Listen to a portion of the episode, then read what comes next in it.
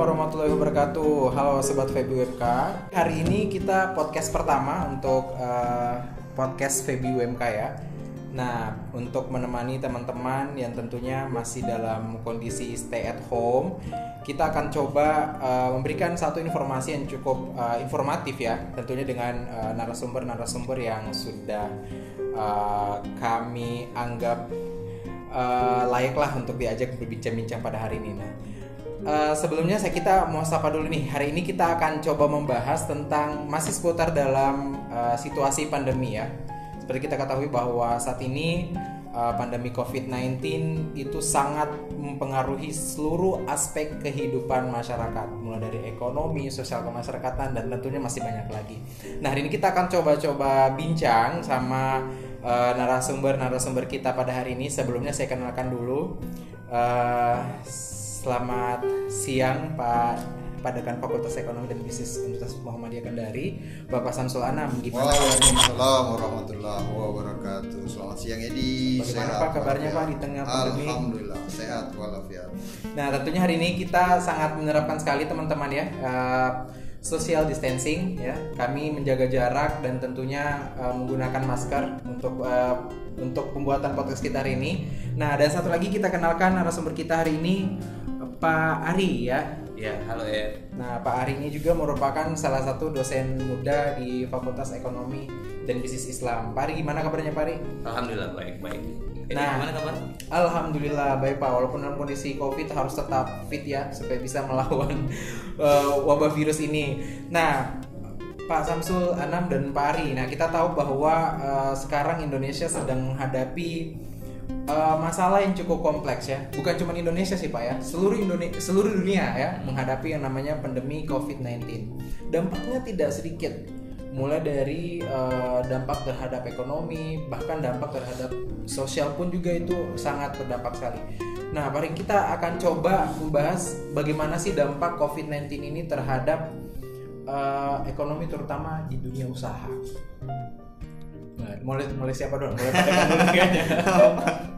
kita ngobrol Pak. Uh, jadi uh, awalnya di Februari dan Maret uh, otoritas kesehatan dan uh, ekonomi di Indonesia itu uh, tidak terlalu yakin apa yang terjadi di Wuhan akan sampai ke iya. negara kita ya terutama uh, kalau melihat implikasinya sekarang nah tapi uh, sejak kasus pertama diumumkan oleh pemerintah dan kemudian pemerintah membentuk gugus tugas segera setelah itu uh, seluruh apa namanya bidang-bidang kehidupan lini-lini usaha yang berpotensi untuk terpapar langsung uh, apa namanya menyesuaikan diri dengan situasi yang kita hadapi. Jadi saya kira tidak tidak terlalu dalam awalnya ya karena ini pengalaman pertama bagi Indonesia menghadapi wabah yang berkonsekuensi ke, ke sektor ekonomi. Memang pernah ada uh, wabah-wabah dulu seperti uh, flu burung, SARS, SARS. Ya, ada beberapa uh, apa namanya uh, bencana alam gitu ya yang berkonsekuensi tapi tidak separah pandemi, uh, COVID. pandemi COVID. Nah ini kalau kita lihat stiker-stiker online yang beredar di media sosial itu ada ada stiker gunung es yang puncak gunung esnya ditulis ojol ojek online puncak gunung esnya di permukaan. Tapi di bawah gunung itu di bawah permukaan air itu ada barbershop ada binatu laundry ada catering ada macam-macam yang uh, apa namanya kesemuanya ini menggambarkan sektor-sektor usaha gitu ya yang terdampak tapi yang sering disebut-sebut itu ojol gitu ojek sementara ojek masih banyak sementara masih ya. banyak ya betul. Nah uh, kita tidak ingin apa membincangkan kenapa ojol yang ada di piramida gunung es itu tidak. Kita mau soal hari ini adalah eh, kira-kira buat eh, teman-teman yang punya kegiatan usaha skala kecil itu bagaimana cara biar mereka tetap uh, bisa survive, bisa tetap bertahan. Iya. Di tengah situasi seperti ini. Terutama di sekitar-sekitar kita ini teman-teman kan banyak ini yang ada yang barber, ada yang binatu, ada yang jualan gorengan, ada yang uh, apa namanya bahkan uh, ini tidak hanya memukul teman-teman di uh, UMKM Iya. kan uh, industri besar juga kena Iya. kan biasanya kalau krisis itu tidak semuanya gitu ya hanya ada salah satu beberapa pelaku saja yang terimbas penuh misalnya kalau krisis 97 98 itu memang sektor-sektor formal yang yang terimbas penuh sementara yang survive itu UMKM tapi sekarang ini sektor formal maupun non formal termasuk UMKM di dalamnya itu kena juga semua Berarti kalau kalau kita bilang dibandingkan kasus 98 dan 99 impact implikasinya uh, UMKM sebagai tombak atau tidak tulang punggung dari perekonomian itu betul-betul Ya. terpatahkan sekarang. Betul. Di Jadi sekarang. yang ada dulu ada kayak jargon ya. UMKM ini tulang punggung perekonomian bangsa. Dia tetap survive meskipun krisis. Sekarang kayak eh, kena karma gitu ya dalam tanda petik gitu ya. Kena karma UMKM meskipun eh, kita lihat tidak semua UMKM juga. Iya. Ada juga UMKM yang masih tetap berjaya berkibar bahkan ya Ah, eh, di tengah eh, situasi kita seperti saat ini. Nah, ini menjadi penting untuk kita lihat apa kita kiat-kiat teman-teman yang survive ini eh, di tengah situasi seperti ini. Taruhlah misalnya seperti teman-teman yang tiba-tiba membuka lapak untuk jual disinfektan, iya. jual baik clean, dicampur dengan alkohol, gitu ya. ada yang jual macam-macam lah ya itu dan itu lapaknya setiap sore selalu ramai Eh, dan itu itu berarti ya ada juga usaha-usaha yang tetap eh, bisa survive meski kita berhadapan dengan pandemi. Sebenarnya kalau kita lihat juga teman-teman yang lain, eh, yang diperlukan sebenarnya penyesuaian cepat. iya. Terutama kalau teman-teman UMKM itu kan kalau mau berubah metode bisnisnya mau merubah dalam waktu cepat itu sebenarnya tidak terlalu tidak sesulit industri atau usaha besar. Berarti peran dari konteks transformasi industri khususnya dari konteks peralihan penggunaan pemanfaatan teknologi itu juga peran penting. Ya betul menggunakan tek- menggunakan teknologi ya. Jadi eh, itu jadi, taruhlah misalnya eh, dulu menjangkau pelanggan dengan cara konvensional, Iya. ya sudah menggunakan teknologi informasi atau eh, misalnya media-media eh, online Online. Tapi mungkin belum serius. Masih hanya komplementer saja. Misalnya untuk tambah-tambah pelanggan Iya. saja. Nah, sekarang mereka harus serius. Menggunakan Instagram menggunakan WhatsApp menggunakan Facebook menggunakan bahkan mungkin eh, yang tidak yang jarang dipergunakan untuk dagang pun boleh dipakai. Sekarang seperti Twitter itu kan udah banyak juga yang dagang Iya. pakai Twitter Eh, kita juga masih bingung-bingung bagaimana ceritanya dia menggunakan eh, Twitter untuk tiba-tiba menawarkan masker, alkohol, hand sanitizer dan lain sebagainya. Itu bukti bahwa pandemi ini mempercepat eh, apa namanya mendorong lebih cepat penggunaan media eh, media-media berbasis teknologi ini untuk kegiatan usaha terutama untuk menjangkau menjangkau pasar. Gitu kira-kira. Hikmahnya ya. Jadi tidak selamanya dari setiap musibah itu selalu berdampak negatif. Namun juga selalu berda- ada juga berdampak positif. Salah satunya dengan COVID-19 ini kita eh, para pelaku usaha ini dituntut untuk mengoptimalkan penggunaan teknologi informasi. Salah satunya kita bisa lihat sekarang bahwa penggunaan eh, sosial media untuk jualan itu sangat sangat optimal sekali ya pak. Apalagi memang sekarang pak itu kesannya orang harus jemput bola ya. Iya. jadi hanya tidak hanya sekedar uh, order via online tapi juga harus uh, mengantarkan juga ke rumahnya masing-masing. Nah, tentunya ini juga uh, menjadi sebuah langkah kasihan uh, UMKM ini untuk tetap bertahan di tengah situasi seperti ini. Nah, um, Tapi kalau untuk berkaitan dengan itu, otomatis kan kalau ada uh, istilahnya tantangan untuk mengalami perubahan nih UMKM-nya, berarti kan sebenarnya posisi juga UMKM ini kan uh, ada something problem dari itu juga yang dihadapi. Yeah. posisi yang pertama dalam alokasi pemodalan juga yang kedua uh, berkaitan dengan uh, konsumen juga yang otomatis juga dia ada perubahan tidak pak? Kalau untuk mungkin uh, dari sisi konsumennya juga khususnya di perilakunya mereka di ya, posisi betul. Jadi yang menyesuaikan diri ini bukan bukan hanya uh, apa namanya penjual atau sellernya gitu, atau produsennya tidak. Konsumen pun dia otomatis dan awalnya ini sebenarnya karena konsumen. Karena konsumennya tidak bisa ke mana-mana dilarang ke mana-mana harus diam di rumah maka dia akan mencari cara secara alamiah untuk menjangkau kebutuhan dia untuk mempertahankan paling tidak gaya hidupnya gitu ya. Gaya hidup. Nah, ya paling minimal saja. Misalnya tetap potong rambut setiap dua pekan. Yeah.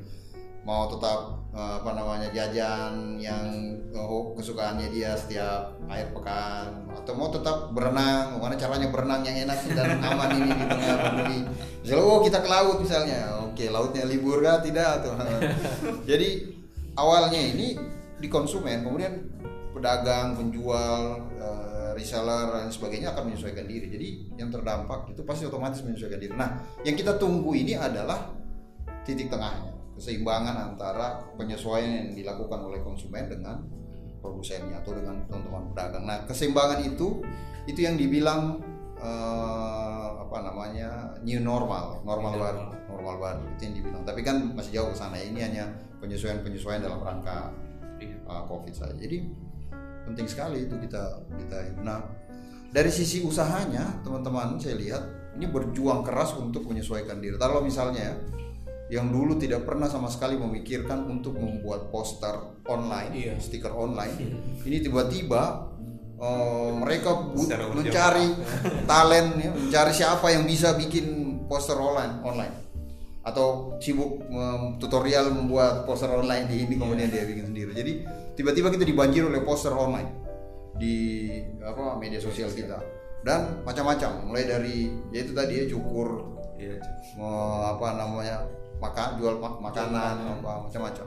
Jadi ternyata eh, apa namanya ada dorongan juga untuk eh, menyesuaikan diri dengan nah yang juga eh, kendala kedua adalah yang sekarang disesuaikan itu iya. adalah bagaimana pesanan dari konsumen itu tiba di di di tempat konsumen. Jadi kan dari penjualnya itu diantar setelah diorder diantar sampai ke nah ini pihak yang ada di tengah ini iya. Pihak yang ada di tengah ini ya transporter transporter ini kan umumnya yang kalau uh, situasi normal ya biasa ojek online ojek, online. ojek pangkalan yeah. atau kurir nah sekarang ini kan ada pembatasan Iya. Ada pembatasan. Nah ini tapi tetap tetap saja bergerak teman-teman yang ojek online ini. Berarti ojek online ini memang perlu juga mem memprepare dirinya untuk memberitahu bahwa mereka tetap uh, apa namanya menggunakan protokol-protokol yang di di apa namanya syarat-syarat yang iya. ditetapkan iya. oleh pemerintah. Sehingga konsumennya merasa ya aman. Percaya. Percaya. Lebih safe. Lebih safe juga ya pak ya. karena sekarang lebih keras gosip di mana kan iya karena uh, biar bagaimana juga ojo itu ya mata pelajarannya pak ya. Harus bertahan di situ. Jadi tapi juga sepintar-pintarnya yang seperti yang katakan tadi oleh pak pak dekan ya bahwa uh, ojo ojol ojol ya ojo ojek online ini harus menanamkan trust ya uh, supaya konsumen itu jadi percaya dan merasa aman ketika harus menggunakan jasa mereka. Iya, otomatis. Nah, ini yang agak lucu-lucu gitu ya dari situasi kita ini adalah uh, yang pertama adalah bagaimana menyesuaikan diri perilaku kita menyesuaikan diri dengan situasi-situasi sekarang itu banyak sekali uh, apa namanya tiba-tiba keanehan-keanehan ya. Misalnya saya saya kasih contoh kecil ya. Dia sudah tidak pernah cukur rambut selama berbulan-bulan karena takut ke barber atau barbernya tutup. Terpaksa harus mencari uh, alat cukur dan kemudian membuka YouTube tutorial bagaimana cara mencukur rambut secara sendiri kemudian nah kemudian yang lucu juga tapi dia mem, mem, apa, memvideokan ya. Memvideokan eh, apa namanya dia waktu mencukur rambut itu Tetap ya. kemudian di broadcast pula ke ininya. Jadi eh, apa namanya situasi kita ini meskipun kita agak takut juga agak mencekam dan sebagainya tapi ada juga hal-hal itu ya lucu-lucu itu ya yang diperagakan oleh teman-teman berkaitan dengan penyesuaian terhadap perilaku dia dengan situasi nah itu tapi yang lebih serius adalah bagaimana teman-teman eh, eh, usahawan ini eh, wirausahawan ini bisa tetap mengelola bisnisnya dengan baik Iya. gitu ya. Terutama kan yang paling penting ini adalah mengelola keuangan. Mengelola cash flow dia. Cash flow dia ini kan kalau usaha kecil itu syukurnya ya memang modalnya relatif tidak besar gitu ya kalau mau dibandingkan dengan Iya. usaha lain. Sehingga mereka eh, bisa secara cepat dan leluasa untuk mengatur. Cuma yang jadi problem adalah kalau dia tetap berniat untuk eh, menjalankan aktivitas usahanya di tengah situasi seperti ini dengan cash flow eh, eh, baseline cash flow-nya itu apa namanya kuda-kuda cash flow-nya itu masih kuda-kuda waktu normal. Jadi cash flow waktu normal dengan cash flow waktu pandemi dan cash flow setelah pandemi itu jelas perlu perlu Tinjauan lagi. perlu ya perlu tinjauan perlu perlu dicermati begitu ya. Jadi cash flow pada saat normal dan pada saat pandemi dan pada saat setelah pandemi itu jelas berbeda. Ah, yang paling terasa itu adalah eh, pendapatan. Ini pasti pendapatan berkurang kan? Iya, benar. pendapatan pasti berkurang. Kalau di masa normal mungkin pendapatan bisa oh, 100 atau bahkan 120 persen dari rencana-rencana penjualan. Kalau sekarang mah terpangkas mungkin sisa setengah Setengah. atau kurang dari setengah misalnya gitu ya. Nah itu bagaimana mengatasi eh, masa situnya tapi ini kan pak istilahnya kalau kondisi sekarang kan masih panjang istilahnya kita belum tahu Iya, kapan ini belum bisa diprediksi diprediksi bahkan kapan endingnya pemerintah sendiri pun memprediksikan ini akan berlangsung sampai akhir tahun kabarnya kalau kabarnya ya. Tapi kita tidak berharap seperti itu Pak ya. Kita berharap ini cepat berakhir. tapi kabarnya kemarin juga kontroversinya siapa yang eh, apa di YouTube kemarin berkaitan dengan isu itu bahkan ada bilang sampai dengan 2021 itu kita masih belum normal. Jadi mungkin yang saya tanya berkaitan dengan titik jenuhnya nih pak. Kan otomatis dari konsumen ataupun produsen pasti ada titik jenuhnya untuk berada di posisi itu terus menerus. Apalagi dalam posisi-posisi yang tadi. Kira-kira eh, pada posisi titik jenuh itu eh, implik eh, impactnya terhadap khususnya di covid dan impactnya terhadap perekonomian itu ada tidak pak? Tidak, oke, pasti ada ya. Eh, karena perekonomian itu dia akan bergerak dari satu keseimbangan ke keseimbangan lainnya. Sudah sudah pasti ilmiah seperti itu ya. Nah, tinggal seberapa lama eh, keseimbangan baru itu terbentuk seperti tadi Pak Ari tanya ke kita kira-kira kapan ini batas jenuhnya orang. Jadi yang perlu kita pahami bahwa kodrat manusia itu adalah bersosialisasi. Iya. Jadi sulit untuk melarang eh, dalam jangka waktu lama manusia itu untuk tidak berinteraksi satu dengan yang lain. Ini berinteraksi maksudnya ini berinteraksi langsung ya, tidak diperantarai oleh gadget atau gawai tidak tidak berinteraksi langsung. Itu itu ada batasnya orang bisa ditahan untuk tidak bisa. Nah, kemudian kalau kita lihat juga kan banyak bisnis-bisnis, banyak jenis-jenis usaha yang dikawinkan dengan kebutuhan manusia untuk bersosialisasi itu tadi Oh iya. Misalnya orang mau jogging tapi tetap sama teman-temannya ya muncullah jogging track kemudian kelompok-kelompok lari apa gitu ya dan sebagainya. Yang ada propertinya sendiri tuh properti sendiri ada sepatu sendiri baju kaos sendiri dan sebagainya. Nah jadi kalau ditanya kapan eh, dalam bayangan saya itu tidak tidak bisa terlalu lama gitu ya. sebenarnya kalau normalnya orang bisa ditahan berdiam dalam rumah itu kurang lebih sekitar tiga bulan. Itu tiga bulanan. Tidak Tiga tiga bulanan. Tidak bisa berjumpa dengan bersosialisasi. Tapi itu dalam kondisi betul-betul kita tidak bisa ketemu dengan sama sekali ya. Tapi kalau ini kan kita masih Masih bisa. masih bisa gitu ya. Memang dilarang keluar rumah tapi kita keluar juga ketemu juga. Jadi untuk mengukurnya yang pas tiga bulan saya kira tidak gitu ya. ini agak lama karena ya kita ini dilarang keluar tetap keluar. Tetap untuk ketemu. Dilarang misalnya untuk beraktivitas ya, apa yang melibatkan orang banyak kita tetap ya kumpul-kumpul banyak segala macam. Jadi mengukur keseimbangan barunya pasti tidak bisa menggunakan itu. Jadi kalau sampai dengan tahun depan semester 1 itu bisa terjadi, bisa terjadi keseimbangan barunya di tahun 2021 baru baru terbentuk. Nah, bagaimana bisnis? Kira-kira seperti apa bisnis mau menyikapi itu? Jadi kan secara alamiah setelah krisis itu pasti ada Iya. Lonjakan. lonjakan, ada peningkatan. Jadi kalau kita lihat kurvanya itu kan kurva krisis itu ada dua. Ada yang V-shape, ada yang U-shape. Hmm. Jadi yang V-shape ini adalah eh, jenis krisis yang lantai krisisnya itu tajam gitu ya. Art- Artinya durasinya itu singkat. Jadi hanya sebentar saja mengalami krisis, kemudian dia langsung recovery naik. Itu V-shape.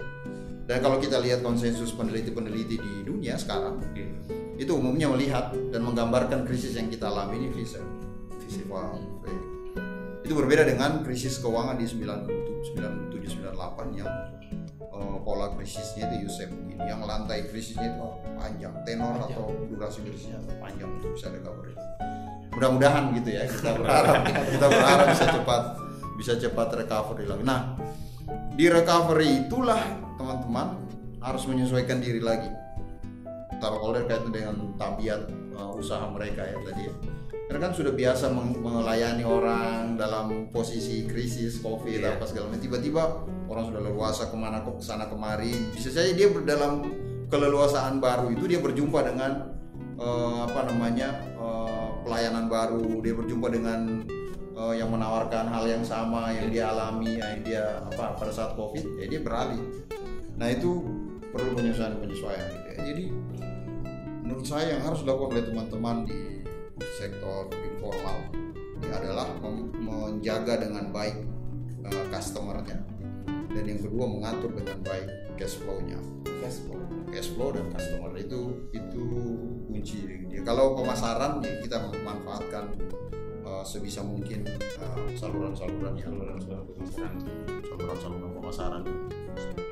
Nah kalau ditanya bagaimana mengatur cash flow, kalau cash flow di UMKM tidak susah, tidak sulit, ya kan? Tidak tidak sebesar, tidak sesulit kalau kita mau mengatur cash flow di industri-industri formal itu. Kan dia posisinya paling tiga saja ya, misalnya kas, Iya. kemudian, eh, apa namanya eh, penerimaan, kemudian eh, biaya. Eh, mungkin ada termasuk kalau teman-teman minjam juga ya mungkin eh, kantongnya sakunya hanya tiga saku itu saja pak saku pinjaman saku biaya dan saku pendapatan itu saja. Nah tinggal mau mengatur yang mana? Misalnya oh saku pinjaman kita mengatur. Ya kita negosiasi dengan yang memberi kita pinjaman bos ini kita covid. Boleh tidak kita diperpanjang ini pembayaran atau tidak? Libur angsuran gitu ya. Selama berapa lama? Nah, ya selama lamanya lah.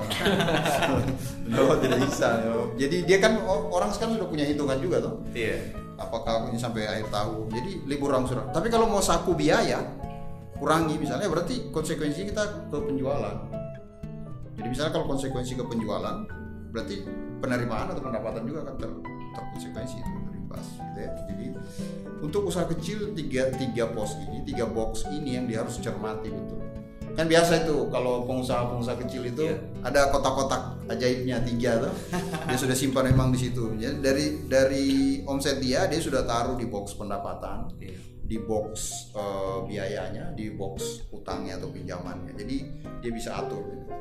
kalau yang bisnis formal itu kan dia sudah punya sistem informasi akuntansi yang rapi gitu jadi semua biaya sudah di kanal Iya. pendapatan itu sudah bisa dipilah dia pendapatan sebelum pajak setelah pajak atau pendapatan bersihnya Gitu. di memang UMKM ini harus benar-benar memperhatikan tiga hal tadi ya terutama masalah cash flow di tengah pandemi. Oh, iya. ada poin tadi masalah eh, pinjaman Mhm. biaya dan satunya apa lagi tadi pak? Pen- penerimaan. Penerimaan. Nah ini tiga hal yang mesti diperhatikan oleh eh, pelaku UMKM yang ada di luar sana. Nah pak ini masalah recovery. Tadi kita membahas bahwa akan ada dua penyesuaian yang harus dialami oleh pelaku-pelaku usaha pertama penyesuaian eh, di tengah masa pandemi ini ya yang kedua adalah penyesuaian eh, setelah pandemi nah Mungkin Pak bisa berbagi tips um, agar UMKM ini bisa melakukan penyelesaian yang Ya. yang cepat ya terhadap uh, dua penyesuaian ini.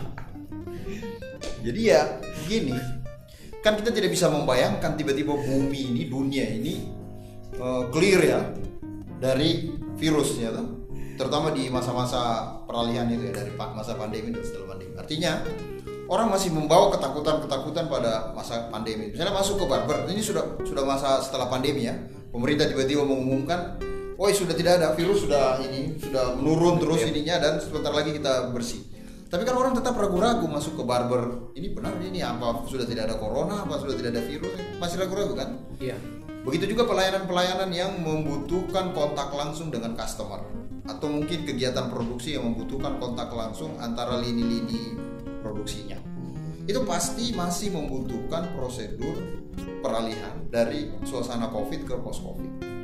Jadi yang perlu teman-teman cepat respon itu adalah pada saat post Covid adalah memastikan diri bahwa protokol-protokol selama Covid itu tetap dijalankan meskipun dengan eh, intensitas yang terus berkurang seiring dengan situasi atau suasana. Jadi jangan langsung tiba-tiba dikendorkan, jangan. Iya. Eh, tetap saja eh, ini.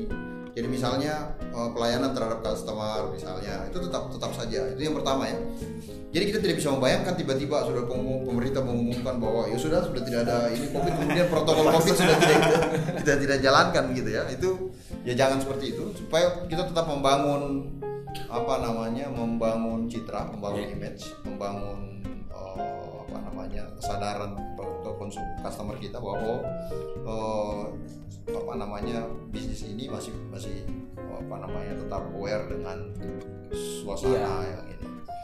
Itu itu yang pertama. Kemudian yang kedua eh, kalau menurut saya yang penting untuk dipahami adalah eh, itu akan ada lonjakan banyak hal gitu ya pasca pasca covid ini. yang pertama orang pasti akan ya sudah lama dilarang untuk berkunjung ke tempat-tempat favorit mereka jangan pergi ke tempat-tempat Iya. favorit mereka misalnya ke mana ke mall ke gym pantai misalnya gitu. Kalau- kan itu beberapa lembaga riset dunia itu sudah merilis ya. Seperti di Amerika itu merilis tempat-tempat yang akan dikunjungi oleh warga Amerika ketika covid sudah berakhir.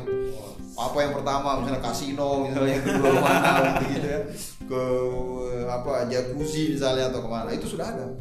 Jadi kita membayangkan bahwa akan ada lonjakan kunjungan ke tempat-tempat yang selama ini dilarang oleh oleh orang. Nah itu kita cepat menyesuaikan gitu, menyesuaikan diri dengan itu ada demand untuk itu ya. Apa apa yang bisa kita bridging gitu. Ya bisa Betul. tidak kita memanfaatkan pak posisinya kan kayak di kasus 98 sama 9 itu banyak banyak orang yang memanfaatkan momen-momen itu istilahnya eh, karena kondisi perekonomian yang turun dia ngambil kesempatan di posisi itu yang kayak dalam konteks saham dan segala Ya, macam betul. untuk memperoleh pendapatan supaya istilahnya itu Betul. jadi Itu poinnya. Jadi krisis 98 seperti yang Pak Ari bilang tadi itu menyadarkan kepada kita, kepada banyak sekali eh, pengusaha dan anak-anak muda waktu itu yang baru saja berusaha bahwa memberagamkan aset itu menjadi kata kunci menjadi smart investor. Memberagamkan aset. Jadi mem- apa nama istilahnya itu aset jangan hanya satu jenis begitu ya. Iya. Itu pelajaran pentingnya di krisis 9798. Jangan tidak boleh kita hanya pegang palas atau hanya pegang surat eh, saham tapi saham-saham yang beresiko tinggi misalnya. cost. Tapi kita juga harus punya emas sedikit. Punya apa lagi misalnya yang lain gitu atau eh, apa namanya deposito. Deposito. Itu pelajaran di tahun 9798. Pelajaran di tahun 9798 yang seperti Pak Ari bilang tadi. Nah, ini kita akan menuai pelajaran baru lagi. Pasti. Salah satunya ya adalah bahwa yang pertama pelajaran yang akan kita petik ini bahwa ternyata bisnis rentan itu bukan cuma bisnis formal dan besar, tapi UMKM juga rentan. UMKM juga rentan. Buktinya apa ya? Buktinya yang terkapar ini ojol dan teman-teman. Iya, Itu tadi buktinya terpapar mereka. Jadi lalu pelajaran apa dong yang kita bisa petik? Nah ini ini yang masih terus eh, apa namanya kita akan eh, apa namanya dapatkan informasinya. Kira-kira apa pelajaran? Tapi yang sudah pasti dalam situasi seperti ini eh, pengaturan cash flow itu menjadi kata kunci. Pengaturan cash flow tadi ya. Karena kita kita eh, apa namanya teman-teman yang kalau yang dagang, teman-teman yang eh, apa namanya retail itu itu mudah mempermudah mereka. Tapi kalau yang uh, produknya adalah produk-produk yang masih membutuhkan treatment untuk sampai ke konsumen akhir itu yang agak berat. Jadi kalau dia dagang misalnya, dagang misalnya jualan pampers, uh, tisu dan lain sebagainya itu mudah. Iya, mudah ya kan karena uh, dia kan bahan apa namanya barang dagangan yang tidak cepat rusak misalnya. Tinggal mungkin bagaimana dia menjangkau konsumen saja. Tapi kalau yang Terus jualan apa misalnya? Jualan yang cepat rusak, gorengan misalnya atau Thai tea misalnya. atau apalagi misalnya ya nasi yang padang. Ah, nasi padang misalnya gitu ya. Itu Pak perlu berhati-hati begitu ya, untuk di tengah situasi seperti ini. Jadi, jadi itu pengaturan cash flow. Nah, pelajaran yang paling penting itu pada saat ini itu adalah cash flow. Nah, contoh lagi saya kasih contoh ya teman-teman. Teman-teman yang ojek online ini dia tidak menyadari bahwa mereka juga itu sebenarnya bisnis dan dia tidak mengelola diri tidak mengelola cash flow layaknya bisnis ojol misalnya ojol ya iya. ojol dia mereka lupa bahwa uh, yang mereka lakoni ini adalah bisnis seperti juga bisnis lainnya yang membutuhkan pengaturan cash flow. Karena mereka kan mengeluarkan sejumlah uang untuk membeli uh, alat alat produksi seperti mobil eh, mobil ya motor dan sebagainya. Perlu urus perlu urus apa namanya izin-izin dan sebagainya. Atau perlu memperpanjang uh, apa namanya SIM, STNK perlu biaya perawatan. perlu biaya perawatan oli apa segala macam. Itu bisnis. Iya. Nah sementara per hari mungkin dia juga ada customer misalnya ada pelanggannya misalnya. Satu hari dia sudah bisa rata-ratakan. Kan dia punya traffic sendiri juga. Iya. dia punya statistik juga. Kan dia bisa catat itu catat di dinding misalnya. Oh ini dua dua pelanggan apa misalnya. Nah itu itu juga yang perlu di membangun oleh teman-teman bahwa sekecil apa pun bisnis yang dia lakoni ini tetap bisnis. Sehingga mereka harus mengelola semua risiko yang uh, berpotensi untuk memampar mereka layaknya sebagai uh, bisnis ya, itu pelajaran pelajaran itu karena selalu kita menganggap bahwa tenami kalau UMKM ya tenami tidak akan ini buruk-buruknya kita ganti usaha gitu ya. Yeah. Dari misalnya jualan Thai tea misalnya, jadi harus jualan gorengan misalnya gitu ya. buruk-buruknya begitu. Tapi sekarang tidak, baik Thai tea maupun gorengan sama-sama omset menurun. Kan, yeah, kan su susah kalau mau mau tiba-tiba beralih dari gorengan, mau tiba-tiba ojek online gitu ya, agak agak susah juga itu bisa pak. Jadi youtuberan youtuber Teddy. Ah. gitu perlu di kenapa ini bahas Teddy terus ya? Ya contoh saja contoh contoh contoh contoh kecil gitu ya yang bisa kita ja, jangan salah. Yang menerima berkah banyak ini adalah uh, apa namanya peritel atau penjual-penjual yang menjajakan dagangannya itu secara langsung. Misalnya itu penjual sayur keliling yeah. yang memanggul dagangannya di, oh, iya, iya. di itu yang langsung datang cuma kendalanya itu kan customernya kecil ya misalnya satu kompleks saja untuk satu hari satu kompleks misalnya ada 15 rumah satu hari karena dia tidak mungkin bisa memanggul dagangannya keliling satu kompleks ke kota Kendari misalnya tidak mungkin kalau gitu besok dia langsung opname gitu. justru bukan karena covid misalnya. kalau jadi kalau di lorong itu uh, kalau pagi atau kalau sekarang itu sore jadi satu dalam jam 4 sampai jam 5 itu kurang lebih ada sekitar 6 sampai dengan 5 iya. penjual sayur. Nah, penjual sayur. Sisi lewat. Betul. Tapi ngomong-ngomong kesan penjual sayur Pak, kan kemarin sempat tersebar juga informasi seorang ibu yang positif Oh, iya. COVID-19 karena penjual sayur aja mungkin omset penjual sayur turun juga ya. Oh, iya, makanya, makanya uh, dia juga perlu menyesuaikan protokol uh, iya, itu ya. Misalnya pakai masker, sarung tangan waktu melayani. Jasa sarung tangan yang ini standar tidak perlu pakai plastik aja misalnya. Kemudian dia juga uh, hand, siapkan hand sanitizer, kemudian mencuci apa sayurannya terlebih dulu. Tidak tidak terlalu sulit. Terlalu. jadi yang yang dapat berkah sekarang ini penjual sayur penjual ikan yang melayani ini iya, betul. Uh, cuma memang ada keluhan gitu ya terutama yang kemarin beredar itu yang membawa galon itu yang keluar masuk kompleks setiap keluar masuk kompleks disemprot disinfektan keluar. Ada yang tidak mau bawa lagi pak ya karena karena iya, dia berhenti akhirnya resign pak sudah saya tobat kapok jadi portir air galon karena keluar masuk kompleks disemprot. Masuk disemprot keluar disemprot lagi.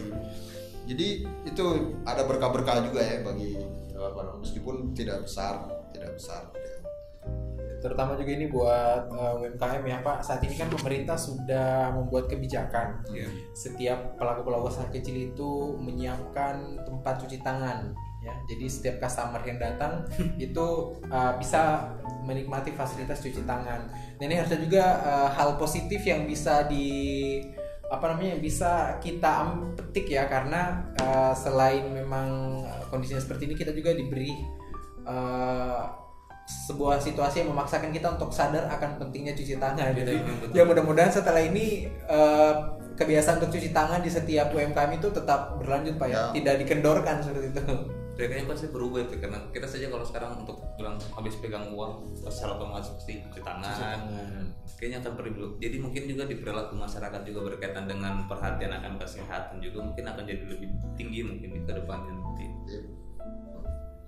jadi itu ya yang kita yang susah dibayangkan itu adalah tiba-tiba kita punya keterampilan-keterampilan teknis ala militer gitu ya yang apa namanya memanfaatkan peralatan-peralatan yang ada untuk bisa survive. Paling itu kita sulit membayangkan baik clean dicampur apa namanya eh, alkohol dicampur aloe vera itu bisa jadi hand sanitizer ya. baik clean campur apa misalnya itu bisa jadi disinfektan. Misalnya itu eh, ke depan keterampilan keterampilan mixing seperti itu terutama untuk keperluan-keperluan eh, kesehatan misalnya untuk keperluan itu itu orang akan ini apa namanya menyimpan dalam memorinya. Kemudian mereka akan uh, selalu siap sedia bahan-bahan seperti yeah. misalnya alkohol biar sedikit tetap ada. Kemudian masker itu dia akan keep. Uh, kemudian hand sanitizer mungkin biar sedikit selalu ada di rumah. Sabun-sabun uh, bakteri. ya sabun-sabun anti bakteri kita juga itu satu. Yang kedua kita sekarang makin rajin memeriksa konten dari bahan-bahan uh, itu ya uh, misalnya ya kita beli minuman dalam kemasan yang uh, untuk daya tahan tubuh misalnya. Kita sekarang tiba-tiba kita periksa dia punya ingredient gitu ya. Tiba-tiba dia punya konten kita periksa baca oh ini terdiri dari uh, apa misalnya dia ini ada kalorinya berapa, nutrisinya berapa. Kita tiba-tiba baca padahal dulu kan tidak pernah. Iya. Kita hanya lihat modalnya iklan saja. Langsung telan. iklan dan yang yang ini bintang iklannya ya sudah cocok ini kita. Sekarang tidak, tiba-tiba kita hitung. Oh ini dia berkonsekuensi pada imunitas daya tahan tubuh yeah. ini vitamin C-nya tinggi vitamin C juga kita mulai mulai teratur sekarang berpikir oh vitamin C ternyata ada miligramnya ada yang 250 miligram ada yang 500 miligram jadi tiba-tiba semua orang diedukasi bahwa oh, sekarang kita harus tertib, tertib. gitu. Tidak hanya tertib uh, apa istilahnya anak-anak itu balala mata begitu ya. Apa yang dilihat tiba-tiba itu saat yang tidak lagi tapi sekarang kita mulai oh ah itu berarti uh, kita juga uh, eh, UMKM juga ke depan itu terutama yang membuat produk-produk olahan ke customer akhirnya. Itu perlu menyesuaikan diri juga dengan yeah. itu gitu ya. Jadi misalnya saja memberitahu misalnya gorengan ini saya pakai gorengan saya pakai minyak ini pak tapi bukan minyak sawit. Ini saya pakai yeah. minyak kelapa murni misalnya pak. Yeah. kelapa murni ini jauh lebih higienis dibanding minyak sawit nah itu yang begitu itu akan langsung cepat ngendap itu. Terutama iya ya lebih sehat ya iya lebih iya, sehat. terutama iya, iya ya ini apalagi kan habis covid tuh iya, iya, iya. jadi orang akan lebih lebih aware dengan kesehatan. Jadi ke depan itu kalau promo ya. konsep-konsep publikasi promo iklan Bisa menggunakan itu, seperti itu ya pasti akan lebih sensitif kalau kita tambahi konten kesehatan ya, gitu. betul, misalnya saya ini gorengan pak tapi pakai minyak solar. Oh, iya. kenapa bisa minyak solar? Misalnya lebih sehat misalnya lebih apa. Itu pasti orang akan lebih konten-konten marketing yang mengenai isu kesehatan pak ya mungkin ah, akan betul. sangat efektif sekali untuk para UMKM. Jadi siapa yang bisa membayangkan baik clean itu di di keterangan-keterangan kecilnya ternyata dia sudah menyebutkan virus corona di situ dan kita tidak pernah baca. hanya bertahun-tahun gitu. Iya. Kita hanya pak baik itu. Eh, baik atau apa ya? Ada sabun juga. Ada. Sabun ya apa itu? Detol ya. Detol. Detol, detol ya, detol. Betul, detol, detol. Ternyata dia sudah tulis di situ corona gitu. Covid. Uh, corona apa gitu ya dia sudah tulis jadi kita kita tiba-tiba oh iya ya betul juga detol ini ternyata dia sudah antisipasi untuk untuk ini jadi banyak hal yang tiba-tiba kita dipaksa untuk belajar. Padahal kita merasa itu tidak penting-penting amat sebelum covid. Misalnya beli minuman harus perhatikan duit yang kecil sekali kita harus pelotot yeah, minum. yeah. apa ini yang sekarang perlu nih konsumsi jamu. Ah jamu. Jahe. Jahe. Tiba-tiba jahe hilang di pasar. Kasihan penjual sarabanya gitu misalnya tidak dapat jahe misalnya. Jadi selain cash flow memang eh, makin orang kita makin peduli begitu ya dengan konten produk apalagi produk pangan yang kita konsumsi kesehatan. Ya, jadi itu ya banyak sudah banyak sekali tips-tips yang dibahas ya, terutama masalah cashflow dan memang memaksakan kita untuk benar-benar sekreatif mungkin dan seoptimal mungkin memanfaatkan situasi ya. Walaupun memang masih dalam situasi pandemi, UMKM uh, eh, masih ada peluang untuk tetap survive di usahanya masing-masing nih. Terakhir mungkin Pak berkaitan ya. dengan uh, ini kan tadi bisa kita bahas misalnya konten kesehatan tadi teknologi sempat kita sini cuman mungkin yang sama banyak posisi posisi dan peran dari kan khusus kita bahas masalah bisnis ini mm-hmm. otomatis kan berkaitan dengan digitalnya juga ya. Sekarang uh, pun kalau kita lihat yang lalu mungkin banyak dari bisnis-bisnis itu yang belum uh, siap dan mampu untuk masuk ke digital dan seberapa urgensi konten digital itu sendiri dalam kondisi ya.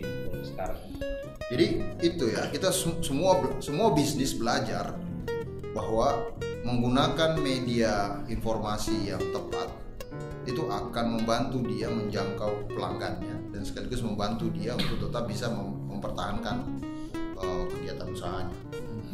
Nah di saat situasi yang seperti ini semua pebisnis uh, mau tidak mau perlu perlu memanfaatkan perlu menyesuaikan diri dengan ini.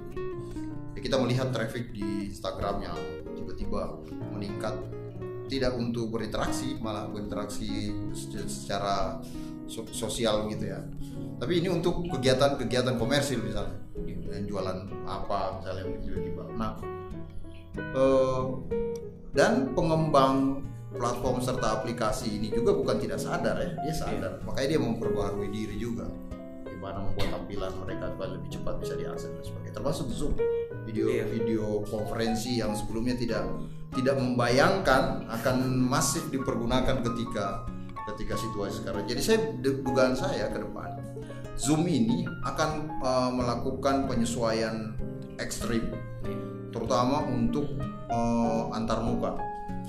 Jadi dia yang akan lead uh, untuk bagaimana memfasilitasi kegiatan-kegiatan sosial, bisnis, pendidikan uh, apa namanya dengan cara uh, apa namanya konferensi uh, online seperti itu. Nah, kaitannya dengan uh, apa namanya semua itu, maka menjadi menjadi penting uh, kita untuk melakukan uh, di memori ini kita simpan, ya, kita storage. Jadi apa yang kita hadapi selama kurang lebih enam bulan sejak Wuhan kemudian uh, sampai sekarang kalau misalnya. Oh, 6 bulan 4 bulan ya? Uh, dia kan Desember ya? Desember. 12 ya uh, ya lima bulan ya? Lima bulan. Lima bulan. Ini perlu kita simpan. Memori ini harus kita simpan. Apa yang terjadi sejak Wuhan itu kita simpan. Kemudian kemudian ini akan jadi uh, material akan jadi bahan baku untuk kita pelajari. Misalnya yang berkaitan dengan bisnis dan pandemi itu clue-nya kata kuncinya apa saja misalnya? Oh itu tadi salah satunya adalah penggunaan media informasi. Nah kampus itu berperan bagaimana agar uh, teman-teman yang uh, bisnis yang berusaha ini tapi tidak mau kekurangan atau uh, omset usahanya tidak mau uh, mengecil atau dia mau fight mau melawan pandemi ini dan tetap berusaha misalnya maka dia perlu berinteraksi dia perlu belajar perlu berinteraksi ya dengan pusat-pusat pengetahuan yang berkaitan dengan pemanfaatan teknologi informasi. Salah satunya adalah kampus. Berarti kampus itu kampus itu termasuk ya, benar. Kampus posisinya penting sekali karena di kampus eh, apa namanya ada sumber daya iya. yang mereport, yang merekam hmm. detail yang terjadi selama pandemi ini khususnya berkaitan dengan ya kalau bidang-bidang keilmuan gitu ya misalnya bisnis ya dia rekam jadi kampus ini punya punya ingatan gitu ya jadi itulah itulah pentingnya lembaga eh, lembaga-lembaga pendidikan selalu seperti ini. Tiba-tiba ini kan selama ini juga hikmah ya. Tiba-tiba selama covid ini kalau dulu sebelum covid kalau kita lihat prismanya itu yang lead up di atas kan adalah uh, ilmu politik, yeah. kemudian ilmu hukum, ada ilmu ekonomi. Tiba-tiba piramidanya kebalik gitu, sak. Yang tiba-tiba di atasnya adalah kesehatan masyarakat, kemudian dokter, kemudian farmasi. Yang politik ilmu hukum itu jauh di bawah sebelah. Nah, jadi apa artinya itu juga dia apa namanya perkembangan pemanfaatan sains, yeah. pengetahuan itu juga uh, berubah-ubah dari suatu masa ke dari masa ke masa gitu ya nah, dan kampus selalu bisa uh, memberikan suara gitu bahwa perbaikan-perbaikan cepat, penyesuaian-penyesuaian cepat itu bisa dilakukan dengan tahapan atau uh, protokol seperti apa-apa. Nah, ini kita lihat produk-produk kampus banyak yang kepake ini sekarang produk-produk kampus. Misalnya pemodelan pandemi. Yeah. Pemodelan pandemi dikaitkan dengan apa? Misalnya pemodelan pandemi dikaitkan dengan uh, kapasitas layanan kesehatan tingkat dasar dan menengah itu penting sekali semua menghitung sekarang. Karena jangan sampai uh, kapasitas kesehatan tidak cukup atau lebih misalnya. Uh, nah itu kampus punya sekarang seperti itu. Jadi apalagi bisnis digital. Iya. Nah mensinkronkan uh, apa namanya banyak fitur-fitur atau kemudahan-kemudahan yang disajikan oleh uh, gawai yang kita punya. Yeah atau platform-platform bersosialisasi yang ada di dunia dengan bisnis yang kita lakukan ya kita jalan. Nah, ini perlu perlu apa nah, perlu pengetahuan tersendiri gitu, perlu keterampilan tersendiri gitu ya. Karena yang banyak orang tanya, ya oke dia punya gawai, ya. oke dia juga punya unit usaha bisnis, tapi mengawinkan bisnis dengan uh, kepemilikannya atas gawai itu tadi itu butuh keterampilan, butuh skill. Misalnya, misalnya itu hampir sama tidak pak kalau kita bahas berkaitan dengan teknologi informasi yang berkaitan dengan teknik kan di digital itu konten yang menarik sekarang ya. tapi kalau istilahnya banyak juga masyarakat juga yang paham juga bahwa bahwa tidak ada perbedaan sih antara bisnis digital dan teknologi informasi kita bahas karena dia larinya ya. hampir mirip ke teknik ah, betul, betul. Iya, betul jadi uh, platform uh, digitalnya hmm. atau media komunikasi digitalnya itu relatif sama saja bisa dimanfaatkan oleh siapa saja hmm. bisa dimanfaatkan oleh nelayan bisa dimanfaatkan oleh petani yeah. bisa dimanfaatkan oleh sampai ke dokter astronom semua memanfaatkan tapi itu dipergunakan untuk kepentingan apa itu dia yang menjadi yang menjadi kata kuncinya pointernya jadi misalnya tadi ya misalnya yang dipakai untuk nelayan misalnya. Teknologi-teknologi dipakai untuk nelayan misalnya apa misalnya? Oh misalnya GPS di, di, dikaitkan dengan lokasi-lokasi tangkap misalnya gitu ya. Atau yang kemudian kita kenal dengan fish finder itu. Nah, tapi untuk keperluannya untuk apa? Untuk tangkap ikan tangkapan ikan. Nah sekarang kita bisnis. So, apa namanya kegiatan utama bisnis itu kan adalah menghasilkan uh, pendapatan atau return gitu. dari kegiatan-kegiatan taruhlah misalnya jual menjual atau dagang misalnya eh, atau mungkin kegiatan produksi yang mengolah uh, bahan baku menjadi bahan setengah jadi atau bahan jadi, uh, jadi dengan memanfaatkan uh, input kemudian diteruskan ke konsumen akhir atau ke konsumen tengah level uh, mediocre-nya uh, untuk dijual misalnya. Nah, jadi tentu berbeda teknologinya sendiri dan bisnisnya sendiri. Nah sekarang mau mematchingkan uh, itu tadi platform digital yang banyak uh, dipakai digunakan dengan kegiatan bisnis itu perlu perlu pengetahuan, perlu keterampilan tersendiri. Nah taruh misalnya, oke okay, saya saya punya handphone. Di handphone saya ini tertanam banyak sekali fitur dan aplikasi. Lalu apa? Lalu, uh, misalnya, oke okay, saya punya gawai. Lalu saya juga ada usaha misalnya jualan gorengan misalnya. Jadi gorenganmu dan punya gawai bisa menikah dah itu? Iya bisa kawin gitu bisa kawin dah itu? Iya kalau di secara apa namanya mungkin anda belajar atau melihat di media-media oke okay, apa informasi online apa segala boleh. Tapi punya gorengan punya gawai. Terus apa? Pertanyaannya mau apa? Gawai kamu dan gorengan kamu mau apa? Nah uh, pertanyaan-pertanyaan seperti itu itu yang uh, menjadi kunci dalam perkembangan pemanfaatan teknologi informasi terutama dengan kaitannya dengan UMKM dan bisnisnya itu tadi. Misalnya dia sudah oke okay, saya pakai Instagram, kemudian apa lagi misalnya? Iya. Saya sudah bisa bikin poster, kemudian apa lagi misalnya? Posternya sudah sampai misalnya, sampai ke mana misalnya? Iya. Ke siapa? Sudah tepatkah ke pelanggan yang dituju atau belum? Kalau belum bagaimana cara setup agar poster kita tadi hanya menjangkau pelanggan yang berkaitan langsung dengan bisnis kita misalnya. Itu kan hanya hanya dipelajari di bisnis digital. Kemudian kemudian lagi yang lain adalah memanfaatkan uh, apa namanya uh, sumber daya yang ada di sekitar kita uh, sumber daya di sekitar kita untuk mengembangkan uh, atau menjangkau pelanggan-pelanggan kita gitu ya nah itu kan hanya bisa dipelajari secara secara serius di di kampus yang memang ada oh, apa namanya program studi bisnis digital ya. Nah, berbicara soal bisnis digital ini memang jadi salah satu tren ya, yeah. tren bisnis yang memang di tengah pandemi ini pun menjadi sesuatu hal yang sangat penting sekali. Hampir dikatakan solusi lah. Uh, solusi lah. Nah, teman-teman untuk teman-teman so, sobat Feby ini ya, berbicara tentang bisnis digital di tahun ajaran 2000 2021 ini Fakultas Ekonomi dan Bisnis Islam Universitas Muhammadiyah Kendari telah membuka pendaftaran mahasiswa baru untuk prodi bisnis digital ya, program studi bisnis digital. Nah, saya kira ini solusi sekali juga buat teman-teman yang akan uh, kemudian melanjutkan kuliah di perguruan tinggi. Tapi ngomong-ngomong masalah bisnis digital ini Pak ya, yang baru uh, di Fakultas Ekonomi dan Bisnis Islam itu sendiri.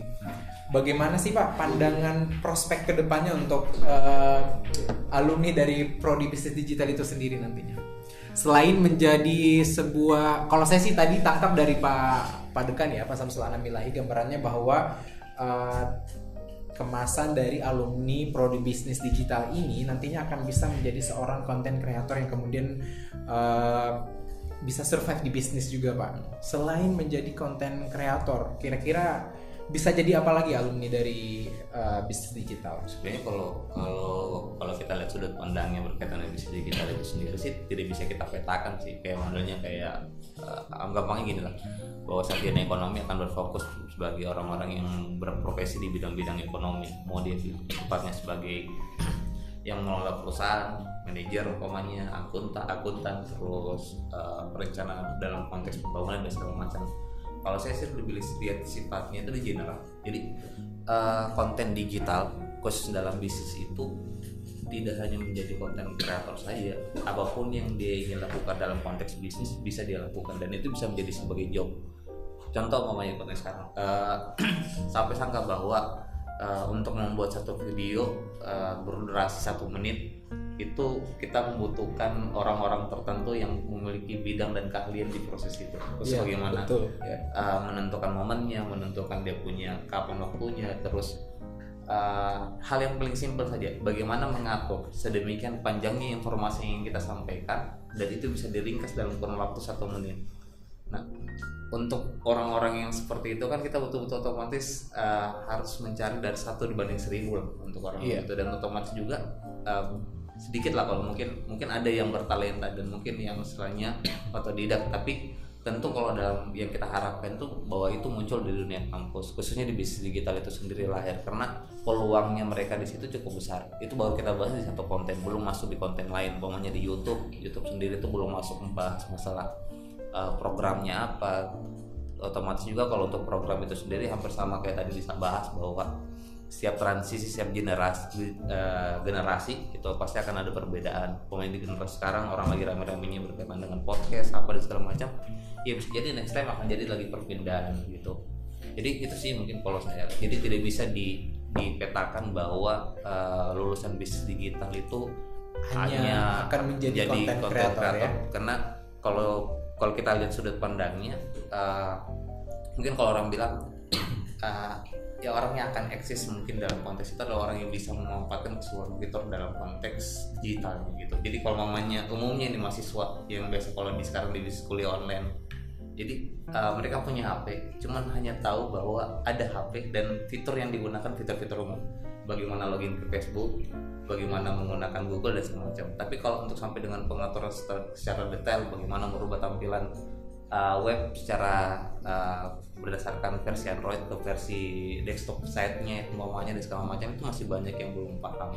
Selain itu juga mungkin uh, apa mindset dari para pengguna teknologi ya untuk yeah. kemudian mengarahkan uh, teknologi ini ke hal yang berhubungan dengan bisnis masih sangat minim sekali pak ya? Masih sangat minim. Uh, Bahkan sekarang kan malah banyak umpamanya uh, akun-akun di Instagram yang memaksakan untuk umpamanya membuat uh, supaya followersnya banyak supaya bisa jadi uh, media promosi untuk mengendorse dan segala macam. Nah banyak hal sebenarnya cuman uh, dalam konteks itu yang penting dicatat untuk dilihat sebenarnya bagaimana sih uh, akun Instagram itu mampu bisa untuk uh, membuat konten-kontennya sendiri itu supaya bisa jauh lebih menarik.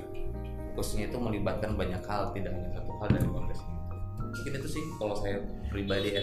Nah kalau kita juga lihat nih ya uh, konten dari uh, Instagram FebuMK Pak, di sini kan sudah ada nih kita tulis nih profil lulusan prodi bisnis digital. Ya salah satunya adalah menjadi independent marketing, desain grafik, konten kreator, asisten media planner, analisis bisnis, social media analysis. Ya, ini maksudkan dengan independent marketing untuk profil lulusan prodi bisnis digital ini seperti apa sih Pak? Jadi independent marketing itu adalah sebuah kegiatan yang uh, memanfaatkan sumber daya yang tersedia uh, dalam usaha untuk menjangkau pelanggan atau customer dari bisnis-bisnis uh, secara lebih luas, terutama memanfaatkan uh, platform media sosial atau platform-platform uh, online yang tersedia saat ini. Nah jadi teman-teman yang belajar di bisnis digital itu nanti akan punya keterampilan atau skill untuk memahami pasar, segmentasi pasar, dan bagaimana melakukan penetrasi setiap segmen itu bermodalkan atau dengan bantuan eh, platform-platform digital itu tadi.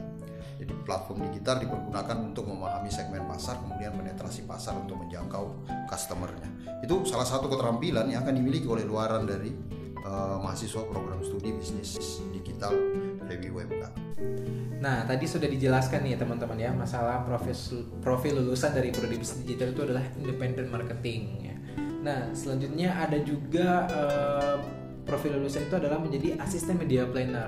Nah, mungkin Pak Ari bisa dijelasin asisten media planner seperti apa sih? Kalau untuk asisten media planner sendiri sih itu lebih pada bagaimana uh, mahasiswa nanti atau keluaran kita nanti itu bisa menguasai pengetahuan khususnya dalam konsep teknik info, eh, teknik komunikasi dan perkembangan dan bisa untuk memantau bagaimana perkembangan teknologi terbaru yang digunakan dalam pengambilan keputusan. Jadi lebih banyak sih berfokus pada bagaimana uh, aspek komunikasi tadi dan teknik pengambilan keputusan itu bisa dibuat dalam konteks itu. Nah selain itu ada juga menjadi desain grafik ya. Ya desain grafik ada juga desain grafik ada juga social media analisis terus tadi sudah kita bahas content creator terus tadi juga ada independent kreatif ada independent marketing sama yang terakhir mungkin analisis bisnis. Analisis bisnisnya jadi memang uh, prodi bisnis digital ini sangat sangat menjadi tren bisnis dan tentunya sangat dibutuhkan sekali menarik lah. ya menarik ya Ya, bagi teman-teman tentunya yang akan melanjutkan uh, kuliah nantinya, saya kira prodi bisnis digital ini sangat pilihan yang tepat Pak ya untuk uh, uh, di era digital saat ini. Iya. Nah, sedikit informasi sebelum kita closing, teman-teman buat yang mau mendaftar uh, kuliah untuk uh, prodi bisnis digital sendiri ini sudah terbuka ya pendaftarannya Pak? Sudah, sudah, sudah. Sudah terbuka. Nah, sampai gelombang kedua itu di tanggal 8 Agustus nanti. 8 Agustus. Untuk uh, teman-teman yang kuliah ini ada banyak kemudahan sekali untuk kuliah di prodi ini. Salah satunya adalah untuk di UMK sendiri tuh biaya kuliah dapat dicicil. Serius? Serius bisa dicicil dan terus juga uh, untuk pendaftarannya bisa via daring dan uh, bebas tes ya pak ya untuk bebas tes. prodi bisnis digital. Jadi buat teman-teman silakan yang mau uh, butuh informasi seputar prodi ini bisa juga langsung mengunjungi Instagram febi.umk Kendari. Nah, uh, mungkin di akhir statement Pak uh, Pak Samsul dan Pak Ari untuk menutup uh, perbincangan kita hari ini ya tentang seputar uh, COVID-19 ya dan efek usaha ya efeknya terhadap usaha nih Pak gitu. Mungkin bisa sedikit kalau statementnya. Ya, jadi uh, pandemi ini itu tidak boleh menghentikan langkah dan kegiatan usaha kita. Justru yang harus dilakukan adalah uh, menyesuaikan diri untuk tetap melayani uh, customer kita dengan cara yang lebih baik, tapi tetap mengedepankan protokol yang mengutamakan kesehatan. Nah, lalu sisi-sisi mana saja yang perlu teman-teman uh, wirausaha atau pebisnis terutama yang pebisnis UMKM ini perhatikan yang pertama itu uh, menjaga customer kita. Menjaga customer ini uh, kalau bisnisnya stuck atau mentok, ya artinya tetap uh, keep in touch dengan customer kita. Entah itu hanya untuk mengucapkan uh, selamat berbuka puasa atau selamat menjalani puasa atau sekedar menanyakan bagaimana kesehatan dia dan sebagainya. Jadi mengelola customer kalau anda bisnis anda stuck atau tidak jalan ya tetap harus menjaga atau merawat hubungan uh, secara sosial dan emosional dengan customer kita. Tapi kalau bisnis kita tetap jaga tetap jalan atau terjaga uh, dalam konteks dengan customer ini ya tentu kita uh, hubungan kita dengan customer ini perlu di di upscaling dina, dinaikkan. Yang dimaksud dinaikkan adalah kita coba memahami apa yang customer kita butuhkan di tengah uh, situasi seperti sekarang ini dan berusaha sebaik mungkin untuk uh, melayani. Kemudian yang kedua yang perlu kita jaga adalah cash flow.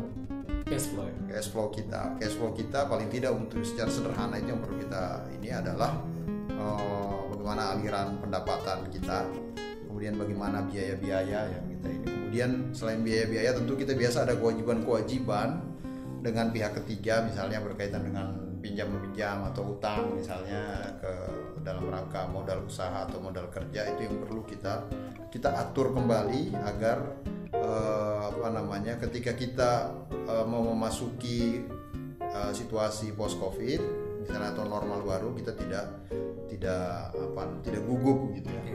Ataupun pengelolaan keuangan dalam masa pandemi ini itu diperlukan untuk menjaga agar uh, cash flow kita tetap dalam keadaan sehat gitu ya. Tidak tidak terganggu sama sekali. Meskipun kegiatan usaha berkurang atau sama sekali berhenti.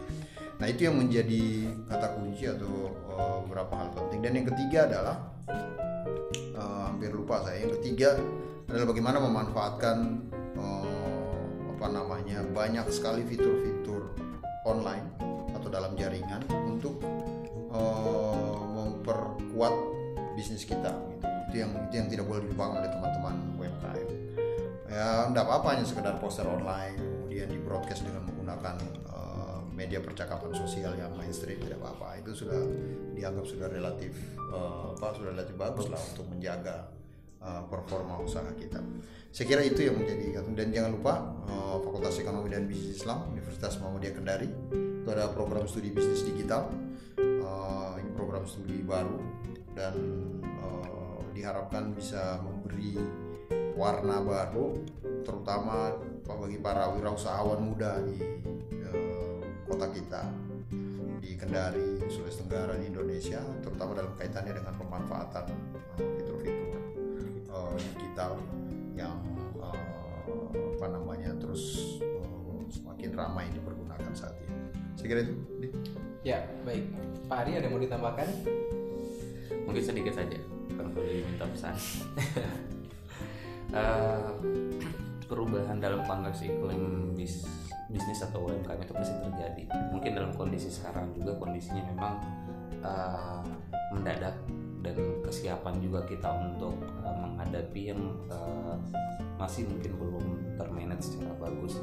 Tapi uh, seperti kita bahas tadi bahwa samping yang ada dampak negatifnya tentu ada dampak positifnya juga. Khususnya dalam konteks bagaimana pemanfaatan media digital itu sendiri dalam mendorong uh, perbaikan dalam konteks uh, manajemen usaha UMKM itu sendiri.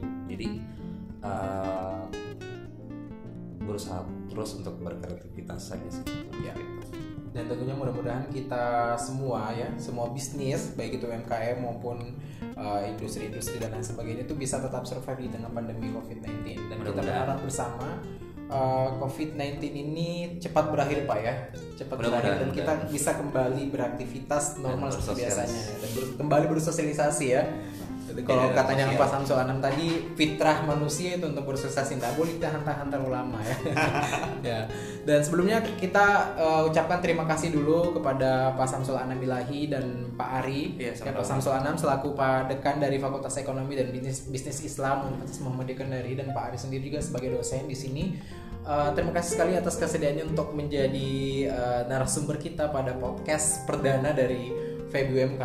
Tentunya selanjutnya kita akan hadir lagi dengan podcast-podcast dengan tema-tema menarik tentunya teman-teman. Jadi uh, kita akan coba uh, untuk upload kontennya di tiap minggu bagi teman-teman yang mau mendengarkan konten-konten yang kita buat di tiap minggunya itu bisa langsung dengar di Spotify ataupun juga di channel-channel uh, dari Fakultas Ekonomi dan Bisnis lainnya. Nah, uh, sebelumnya sekian dan terima kasih. Saya tutup dengan ucapan nun wal Wassalamualaikum warahmatullahi wabarakatuh.